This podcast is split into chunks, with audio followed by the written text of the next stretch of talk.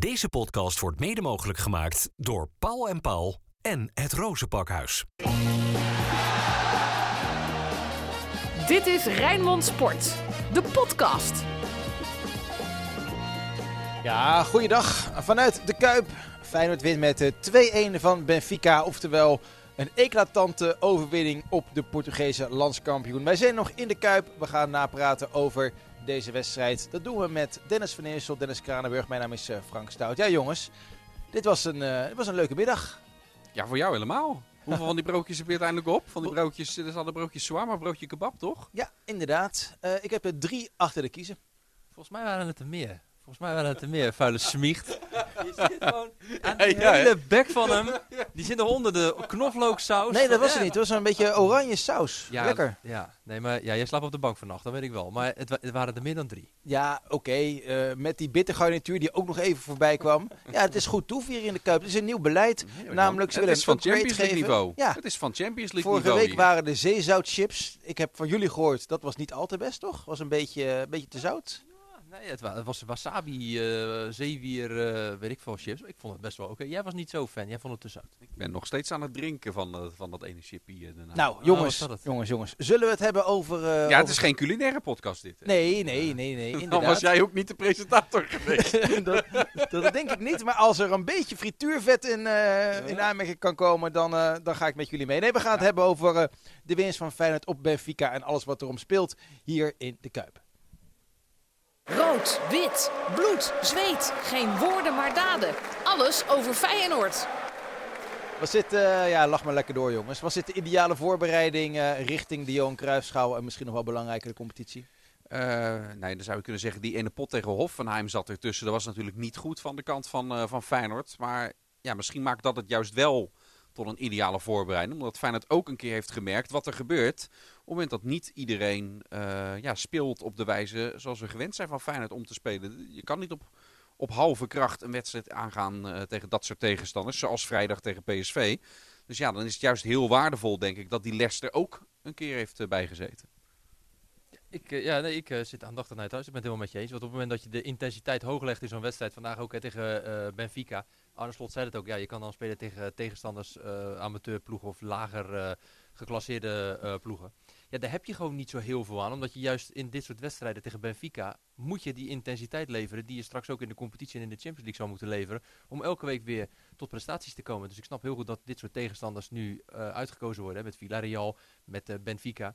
En met Hoffenheim dus ook. En ik denk dat het juist heel fijn is om ook te zien dat in zo'n wedstrijd tegen Hoffenheim het niet gaat zoals Arne Slot juist wil.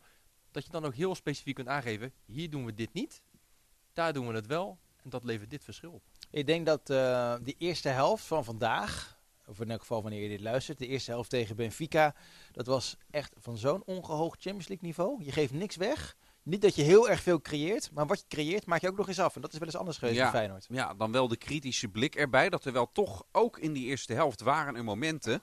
Met name in de opbouw vond ik van, eh, van Feyenoord. Dat als je dat doet tegen in de Champions League teams van net nog een tandje meer dan Benfica. Ik weet, die waren vorig jaar zelfs bij de laatste achten.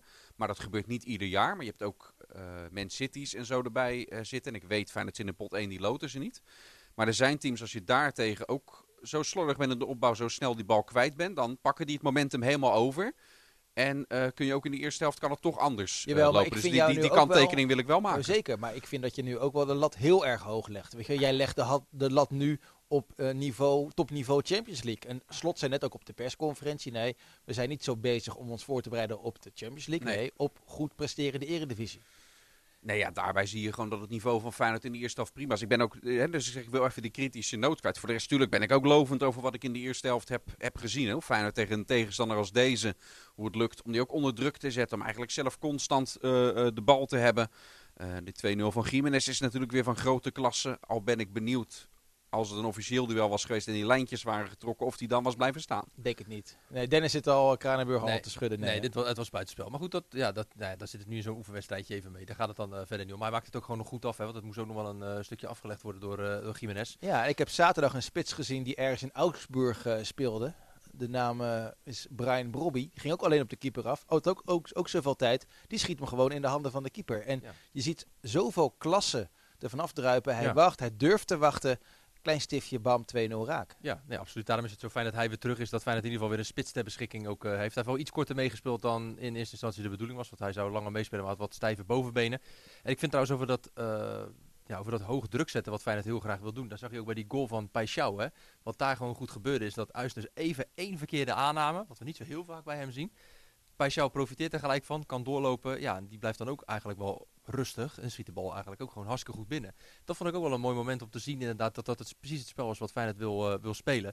Maar ik denk ook, hè, als je gaat kijken naar hoe ze er nu voor staan, in aanloop naar de Johan Cruijffschaal wedstrijd tegen PSV en daarna natuurlijk de competitie, ja, dat, dat Feyenoord gewoon echt wel grote stappen ook, uh, ook maakt. Ik vind ook dat blok in het midden, wat er dan nu staat, daar zal dadelijk Trauner terugkomen met uh, nu Hansko, Gitruida en daarvoor Wiever en Zerouki. Ja, daar zie je gewoon, daar komen ze gewoon bijna niet doorheen. Dat zag je vandaag met Benfica ook. Ik vond dat echt wel, dat stond echt wel goed. Tweede helft was wel een heel ander verschil, hè Dennis? Ja, maar er werd heel veel gewisseld. En dan ook niet allemaal gelijktijdig. Uh, maar steeds in, in, in fases dat er steeds weer wat wissels zijn. Ja, dat vind ik altijd het nadeel van, van oefenwedstrijden. Uh, zeker in zo'n tweede helft. Dan als er op deze manier gewisseld wordt, dan zit er geen enkele lijn meer, uh, meer in. Ja, jij, jij laat je omschrijven. Je hebt altijd zo'n A4'tje en dan schrijf je de opstellingen uit. Het is bijna alleen maar inktvlekken nu. Ja, ik schrijf altijd inderdaad de opstelling en dan ook nog wat informatie over spelers. Maar er is zo vaak gewisseld dat ik... Ja, ik heb volgens mij nu bijna een boek volgeschreven met allerlei... Uh, allerlei namen en uh, informatie erbij. Ja, er werd zoveel gewisseld. De enige die volgens mij niet gewisseld werd sowieso aan de kant van Benfica was alleen al de keeper. Nou, bij Feyenoord is natuurlijk uh, bijna iedereen gewisseld. Dus uh, ja, dat is, dat, daar, daar wordt het spel ook vaak niet beter was, van. Was er ik denk als je kansen gaat tellen trouwens in die tweede helft, wat, wat ze uiteindelijk bij elkaar spelen, dat dat elkaar uiteindelijk toch nog niet eens zoveel ontloopt. Ja, drie keer twee, keer, twee keer Jaan Baks ja. en één keer die derde. Dat was dan zijn eerste kans, was een schot van afstand. Dus was dat nou nee, een complete precies. kans. Minte vlak voor tijd, die moet eigenlijk gewoon scoren. Had een geweldige assist kunnen zijn van Milambo. Van, ja, geweldig werk van Milambo. Die vind ik sowieso dat die in de voorbereiding uh, echt indruk heeft gemaakt. En het slot zei het bij het trainingskamp uh, in Oostenrijk. Hinten die er al een beetje naar, nu bevestigt hij het helemaal. Uh, die blijft ook echt spelen van het eerste helft. Heeft zijn plekje in de kleedkamer met zijn eigen rugnummer die erbij, die erbij hoort. Ja, en dan daarop gelijk inhakend. Dat geldt voor Zegiel en voor Leo Sauer nog niet, hè? Nee, daarvan hangt het er ook vanaf welke spelers er nog, uh, nog komen. Uh, uh, kijk, zij gaan natuurlijk niet heel veel speeltijd krijgen in de wedstrijden die eraan zitten, uh, zitten te komen. Feyenoord gaat wel heel veel wedstrijden spelen, dus de trainingen zijn ook niet super intensief dan meer. Ja, dan is het voor dat soort spelers als Sauer en Zegiel, Slot geeft dat ook aan en ik denk dat hij daar helemaal gelijk in heeft, is het denk ik waardevoller om bijvoorbeeld in de Youth League uh, mee te spelen. Op toch een behoorlijk hoog niveau voor, uh, voor de jeugdspelers dan. Dat dat beter is dan ja, meehobbelen met het eerste helft en nooit spelen. Maar zou het voor deze jongens dan ook niet beter zijn om in plaats van juist op dat niveau van jong Feyenoord te gaan spelen, om dan bijvoorbeeld gewoon te zeggen van uh, oké, okay, we kijken of we die jongens kunnen plaatsen bij een club in de top van de KKD. Daar hebben ze dan toch veel meer aan om tegen jongens te spelen of tegen mannen te spelen die misschien wel 15 of 18 jaar ouder zijn, dat ze echt gewoon vol aan de bak moeten, maar wel bij een ploeg die op dezelfde manier speelt zoals Feyenoord speelt. Daar ontwikkel je dan toch veel sneller in. Ja, misschien wel. Alleen je kan ze nu ook gewoon heel het bij je houden en veel beter monitoren wat ze doen. Uh, ook als je niet speelt, als je eigenlijk bijna dan heel weinig Ja, ze spelen wel, maar alleen dan met onder 21. Ja. ja. Nou, je ziet aan Milambo, zie je dat het toch wel degelijk mogelijk is om in zo'n jaar, waarin je niet bij het eerste speelt, om wel degelijk stappen te maken. Want ik vind dat echt wel een verschil ten opzichte van een jaar geleden toen we hem zagen. Er, er staat nu echt iemand op dat middenveld. Hij is fysiek ook sterker geworden, ja. bedoel je? Ja, ja. Nee, helemaal eens. Maar ook, qua tact, maar ook gewoon qua tactisch inzicht, hoe hij zich positioneert tussen die twee man in. Want daar komt uiteindelijk die kans uit voort. Dat had hij echt daarvoor gezien. Dat was gewoon bewust waardoor hij daar stond en in, in die situatie komt. Ik wil graag naar het, uh, naar het mooiste moment van vandaag. En daar is eigenlijk ook de rubriek voor, neem me maar gelijk mee, de Feyenoorder van de Week. De Feyenoorder van de Week. Als ik zo vrij mag zijn om uh, het woord te nemen. Normaal gesproken doet ook Jesse van Zomeren natuurlijk ook heel vaak deze podcast. Uh, die is lekker op vakantie. Nee, Urken Kukshu. Vind ik de Feyenoorder van de Week. Tuurlijk. Ja, toch? Ja, daar zijn we snel over uit. Maar die verdient wel wat meer woorden dan, uh, dan dat. Ja, prachtig afscheid vanuit de supporters. Wat ik het mooiste vond was dat hij zelf... Hij werd er nog even door verrast. Terwijl we al, al weten dat het best ook een emotionele uh, jongen is. Dat het hem zo raakte nog om daar op het veld te staan. En net die woorden van, uh, van Dennis de Kloeze ervoor gehoord. En dat het publiek dat aan het zingen was. En hij, uh, ja, hij schoot even vol. En dat vond ik mooi. Dat vond ik ook mooi, ja. ja. Nou, niks, menselijks, niks menselijks is ons dan toch vreemd. Het is alleen maar uh, ja, tof om dat te zien. Inderdaad, dat je hier weer terugkomt. En dat hij dan ook. Uh, ik vond het allermooiste dat hij begon met. Uh, Hallo kampioenen. Ja. ja, weet je. En dan begint het hele stadion gelijk. En toen kwam dus gelijk. Ja, dan merkte je die kraak in zijn stem komen. Ja, en dat, het is ook wel mooi dat je dus, ja, je hebt iets in gedachten. Je begint hier in de jeugd en je stroomt door naar het eerste en je wil pas weg als je een mooie prijs hebt gewonnen. Nou ja, hij is belangrijk geworden. Hij is volgens mij beste speler van, het, eh, van de Eredivisie zelfs eh, eh, geworden. Dat je dan weggaat met een kampioenschap. Hè. Hier zo onthaald wordt ook weer door de supporters. En ja, er is een soort chemie. En toen zei hij ook, ja, ik, waar ik ook naartoe ga, dit blijft altijd mijn thuis. Ja, dat zegt eigenlijk alles. Net toen t- tijdens de persconferentie ging die weg, verliet hij het stadion. En zoveel mensen met hem die op de foto wilden, moesten dranghekken geplaatst worden. Ja, het is gewoon echt een hele grote meneer eh, geworden. En ja, wij hebben hem ook als, als persoon natuurlijk heel erg zien ontwikkelen hier. Als, jong, eh, als jonkie die, de- die destijds mee mocht op trainingskamp naar Zwitserland tot de aanvoerder van Feyenoord. Ja, alleen maar niks meer dan lof. En iedereen staat volgens mij volledig achter zijn keuze. Ja, ja, en het kan zelfs als hij dadelijk nog een keer een stap zou maken voor Feyenoord ook nog, nog interessanter gaan worden. Want Feyenoord heeft nog een flink percentage voor die doorverkopen bedongen. Moet hij dan beter gaan spelen dan vandaag? Ja, maar, ik, maar eh, neem nou even wat we hier net eh, een minuut geleden bespreken daarin mee. Hè, dat je hier weer terugkeert en dat je misschien overmand bent of zo. Of dat er zoveel ineens op je afkomt. Dat je misschien te graag ook wil laten zien aan de, de mensen hier dat dat ook wel eh, meespeelt. Dat je misschien niet de beste wedstrijd speelt. Nou goed, het is in de voorbereiding. Eh, wat ik dan wel mooi vind is Arne Slot die zei ook van nou ik wil je eigenlijk nog wel even spreken dadelijk. En eh, dus hij liep nog even, de trainerskamer in. Dat was even kort want ja, er waren nog ongeveer 50.000 mensen die hem eventjes wilden spreken. Hij zei ja ik ben maar heel even in Nederland. Ik wil eigenlijk ook mijn ouders en mijn familie nog heel eventjes zien. Daar nog heel even tijd aan eh, besteden. Dus dat vond ik dan ook wel weer mooi dat hij dan ondanks dat er zoveel mensen iets van hem willen. Ja toch nog eventjes de tijd maakt om met, ja, met heel veel mensen nog eventjes te kletsen. Sluiten we deze wedstrijd voor vandaag af. Ook een aantal nieuws, nieuwselementen die we ja, boven, water, of boven tafel hebben gekregen. Onder andere, Dennis, de netten Ja. gaan blijven. Ja, even geïnformeerd hoe dat, er, eh, hoe dat ervoor staat eh, natuurlijk. Hè. En Dat, eh, ja, dat ei is gelegd. De, de regels van de KNVB met betrekking tot het stilleggen en, en staken van wedstrijden... die zijn nou, heel lichtjes versoepeld op, op nuance-niveau. Dus eigenlijk is dat nog een beetje hetzelfde als hoe het vorig jaar was. En dan vinden ze bij Feyenoord het risico te groot. Dat, eh, ja, er hoeft maar zo'n zo'n bier, zo'n plastic eh, bierding op het veld eh, tegen iemand aan te komen. En ja, de wedstrijd ligt meteen weer stil. Laat staan een definitieve staking. Feyenoord kan dat imagotechnisch niet leiden. Want Feyenoord ligt natuurlijk nog steeds onder een vergrootglas. Want dat is allemaal begonnen met die bekerwedstrijd ooit met het incident met Davy Klaassen natuurlijk. Hè. Maar ook los daarvan in het drukke programma is het voor Feyenoord ook ja, gewoon super onhandig. Als er een wedstrijd dan een dag daarna, laat staan nog later, weer moet worden ingehaald. Dus ja, daarom de keuze om de netten eh, bij de thuiswedstrijden in de competitie te laten hangen. Ook Europees, daar moet nog wel over gesproken worden. Dus dat ligt nog niet helemaal vast.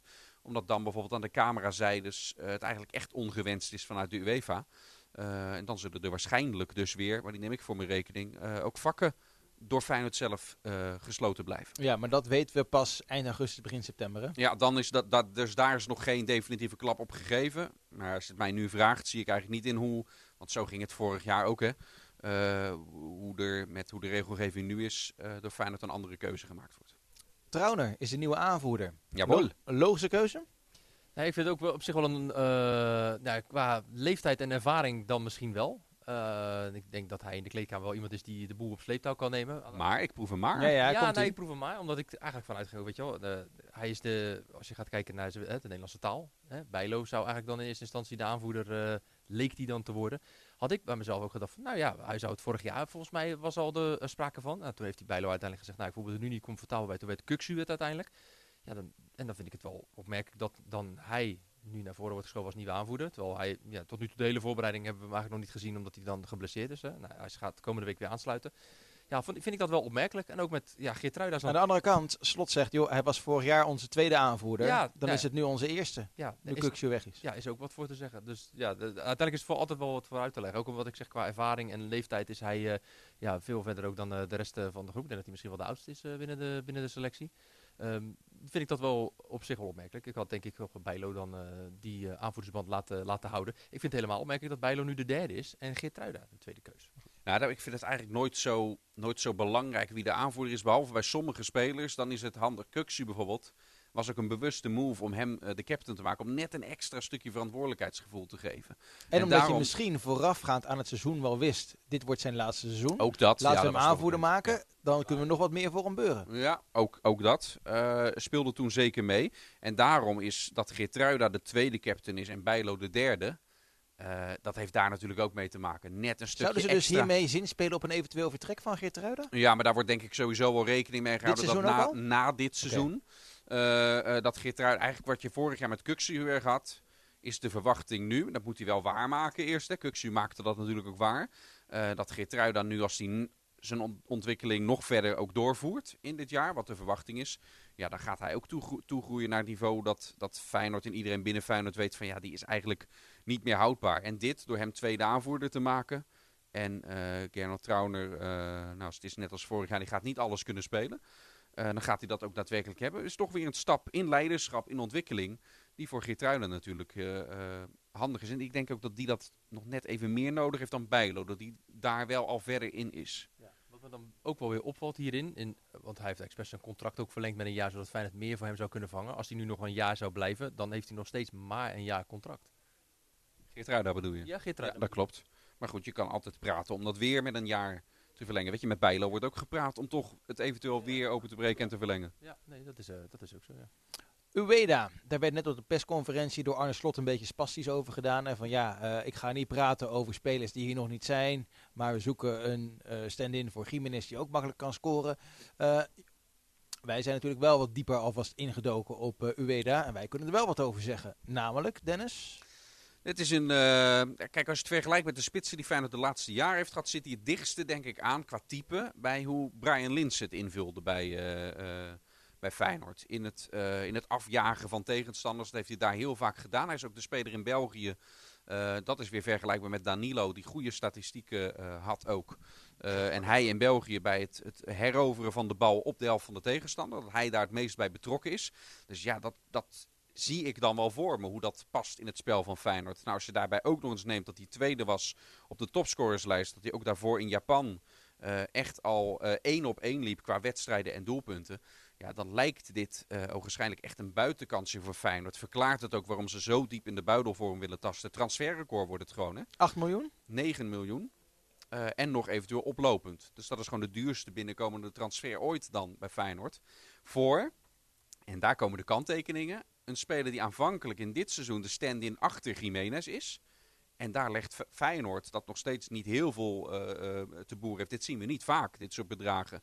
Nee, uh, klopt. Maar aan de andere kant, de transferaankoop van vorig seizoen speelt niet met Timber. Uh, dat, dat moet uiteindelijk nog blijken, want vorig jaar dachten we dat ook steeds. Uh, en toen uiteindelijk stond hij er wel, maar vandaag inderdaad stond, nee, stond maar hij dat middenveld, dat wordt natuurlijk gewoon uh, Wiever, Zerouki, Stenks.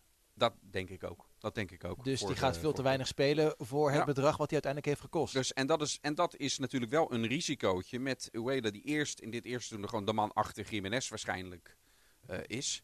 Uh, en dat je hem dan voor daarna als eerste spits. Maar ja, de voetballerij is een jaar lang.